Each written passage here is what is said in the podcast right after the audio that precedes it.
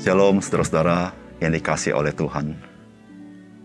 Setiap kita yang ada hari ini tidak lepas dari apa yang telah kita lalui dalam perjalanan hidup kita. Dan apa yang kita lalui, tiap-tiap kita berbeda. Dan dari apa yang kita lalui, kita pasti belajar sesuatu. Bersyukurlah untuk pengalaman bersama dengan Tuhan selama kita menjalankan kehidupan kita. Salam jumpa dalam program Tuhan adalah Gembalaku. Saudara kita mengakui bahwa kita harus belajar dari sejarah.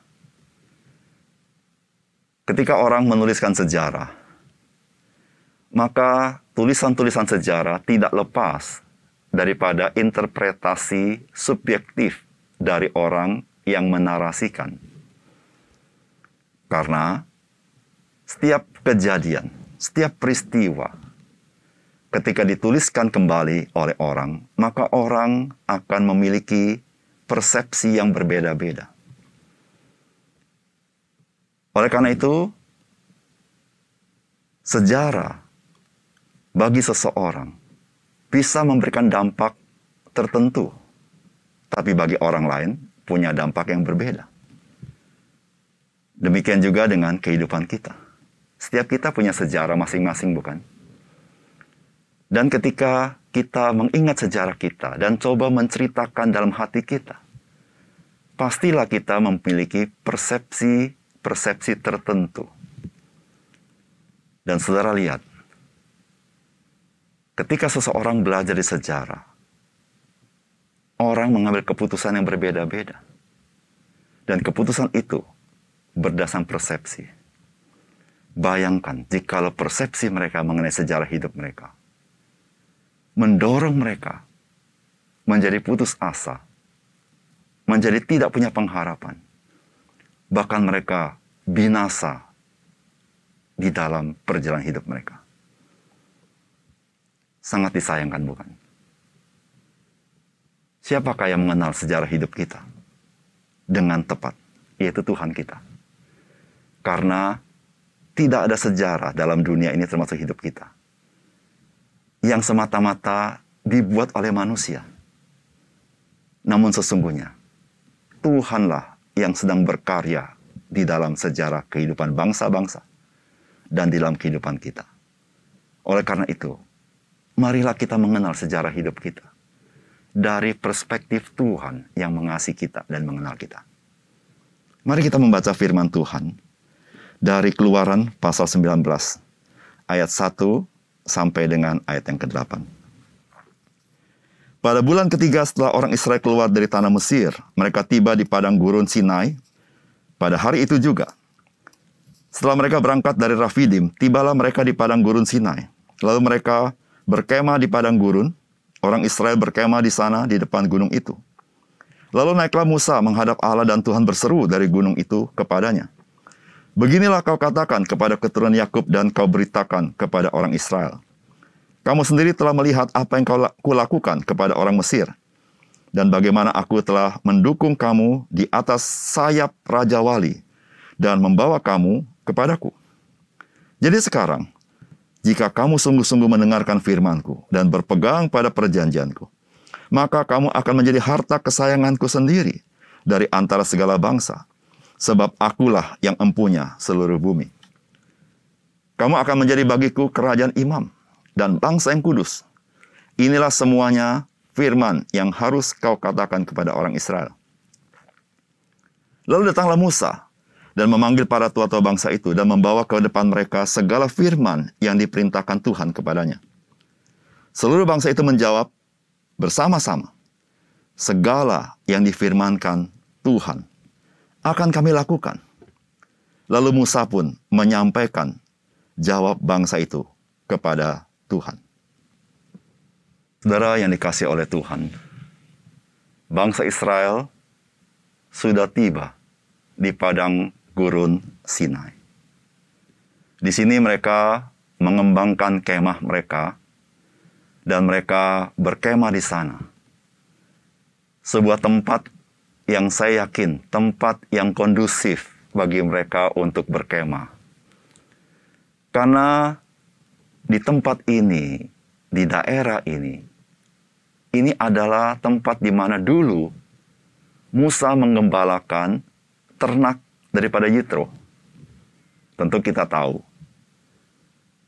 Seorang gembala membawa ternak pasti ke tempat yang nyaman, di mana di sana hijau, banyak makanan buat ternak itu. Dan di tempat ini, Tuhan berbicara melalui Musa kepada bangsa Israel. Apakah pesan firman Tuhan bagi kita hari ini? Yang pertama, firman Tuhan hari ini memberitahukan kepada kita bahwa Tuhan sendirilah yang membawa kita kepadanya dengan kasih dan kuasa yang besar. Ayat 4 berkata begini, Kamu sendiri telah melihat apa yang kulakukan kepada orang Mesir, dan bagaimana aku telah mendukung kamu di atas sayap Raja Wali dan membawa kamu kepadaku. Luar biasa bukan? Tuhan memberitahukan apa yang dia perbuat kepada Mesir.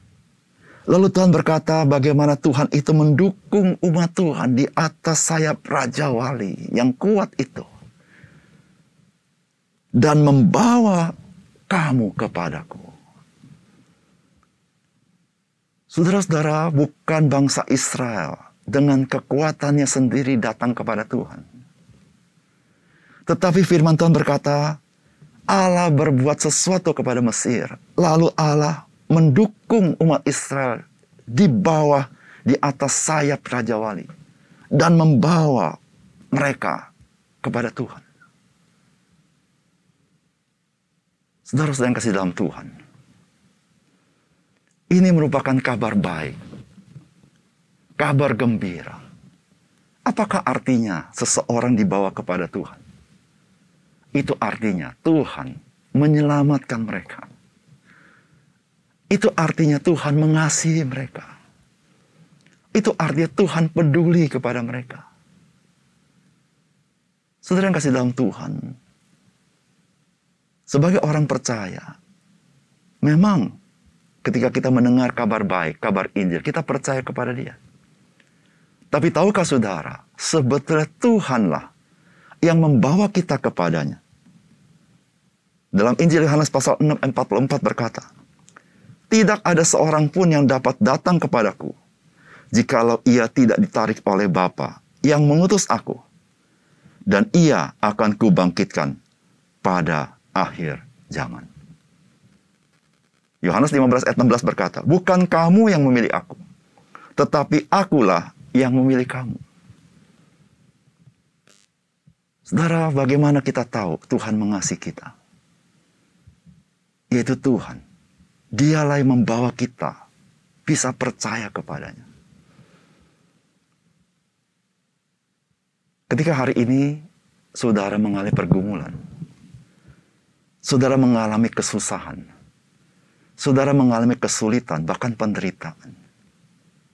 Mengapa kita tidak perlu putus asa? Mengapa kita tidak perlu tawar hati?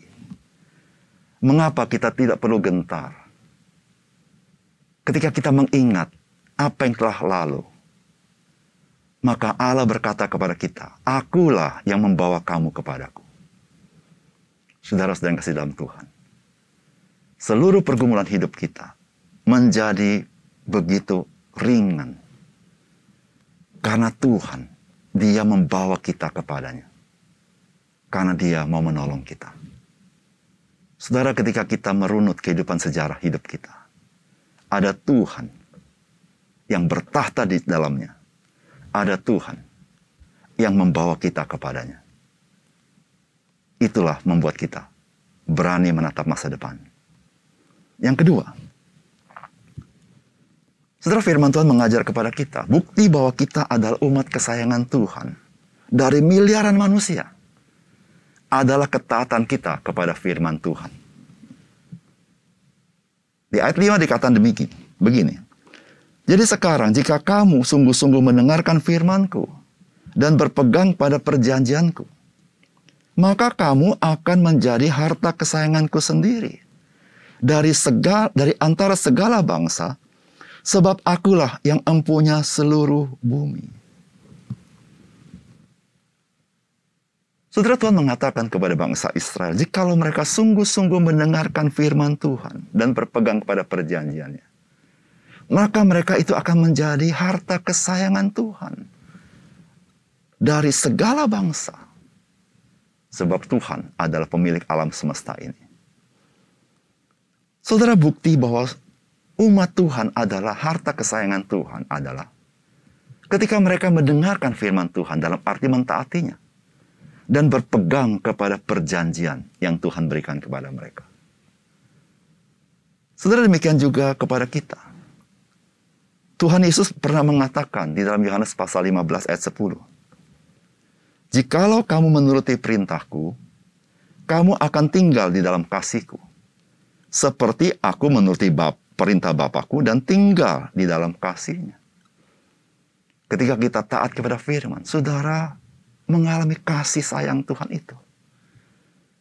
Di dalam Yohanes pasal 10 ayat 27, Tuhan Yesus pernah berkata, Domba-dombaku mendengarkan suaraku, dan aku mengenal mereka, dan mereka mengikut aku.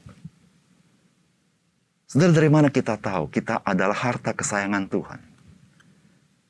Ketika kita taat kepada firman Tuhan. Bagaimana ketaatan kepada firman Tuhan mengindikasikan kita adalah harta kesayangan Tuhan? Saudara orang yang merespon taat kepada firman-Nya adalah orang yang sudah dilahirkan kembali. Dia yang menerima kasih Tuhan. Dia yang digerakkan oleh Roh Kudus. Maka dia adalah orang yang mau taat kepada Tuhan. Mau mendengarkan firman Tuhan, merindukannya. Itulah indikasi harta kesayangan Tuhan. Saya percaya, saudara adalah harta kesayangan Tuhan. Karena saudara merindukan firman-Nya. Yang ketiga, saudara orang-orang percaya adalah imamat yang rajani dan umat yang kudus bagi Tuhan. Ayat ke-6 berkata, kamu akan menjadi bagiku kerajaan imam dan bangsa yang kudus. Inilah semuanya firman yang harus kau katakan kepada Israel. Ini juga yang firman Allah dalam perjanjian baru katakan kepada kita. 1 Petrus pasal 2 ayat 9. Tetapi kamulah bangsa yang terpilih, imamat yang rajani, bangsa yang kudus, umat kepunyaan Allah sendiri. Supaya kamu memberitakan perbuatan-perbuatan yang besar dari dia, yang telah memanggil kamu keluar dari kegelapan kepada terangnya yang ajaib. Saudara Tuhan berbicara kepada umatnya Israel. Kamu adalah kerajaan imam, dan bangsa yang kudus. Itulah juga di dalam kenyataan penggenapan di dalam Yesus Kristus. Orang-orang percaya adalah imamat yang rajani, bangsa yang kudus, umat kepunyaan Allah sendiri. Saudara dan saya adalah imamat yang rajani. Artinya, saudara dan saya memiliki kesempatan boleh datang kepada Tuhan di dalam doa-doa kita, bagaikan seorang imam yang datang kepada Tuhan mendoakan orang lain. Saudara, itulah panggilan kita. Oleh karena itu, kita masih dalam dunia supaya kita bisa berfungsi membawa orang datang kepada Tuhan. Karena kita adalah umat yang kudus, yang sudah dikuduskan oleh darah Yesus, dilayakkan datang kepada Tuhan dan kita adalah umat kepunyaan Allah sendiri. Luar biasa, saudara. Ketika kita datang kepada Tuhan, kita adalah miliknya sendiri. Kita bukan se seorang yang asing. Kita adalah anak-anak Allah. Dan Tuhan panggil kita. Kita boleh berfungsi seperti imam yang membawa orang lain kepada Tuhan dengan memberitakan perbuatan-perbuatan Allah yang besar di dalam Yesus Kristus, yaitu kabar Injil. Sudahkah saudara berfungsi seperti itu? Jikalau iya, saudara sedang menyenangkan hati Tuhan. Mari kita berdoa. Bapak surga terima kasih ketika kami melihat sejarah hidup kami. Kami bersyukur bisa melihat dalam perspektif Tuhan. Sehingga sejarah itu menjadi sesuatu yang berharga. Karena Tuhan memberitahukan, sesungguhnya Tuhan sendiri membawa kami kepadamu. Sehingga hidup kami ya Tuhan, hidup yang berharga untuk menjadi berkat bagi orang lain. Kami menjadi imamat yang rajani, umat yang kudus, bahkan kepunyaan Allah sendiri. Tuhan biarlah dengan kami tahu semuanya ini. Kami dengan berani menghadapi hidup ini. Karena kami adalah harta kesayangan Tuhan. Ketika kami selalu taat mau dengar, merindukan firman Tuhan. Di dalam nama Tuhan Yesus, kami berdoa. Amin.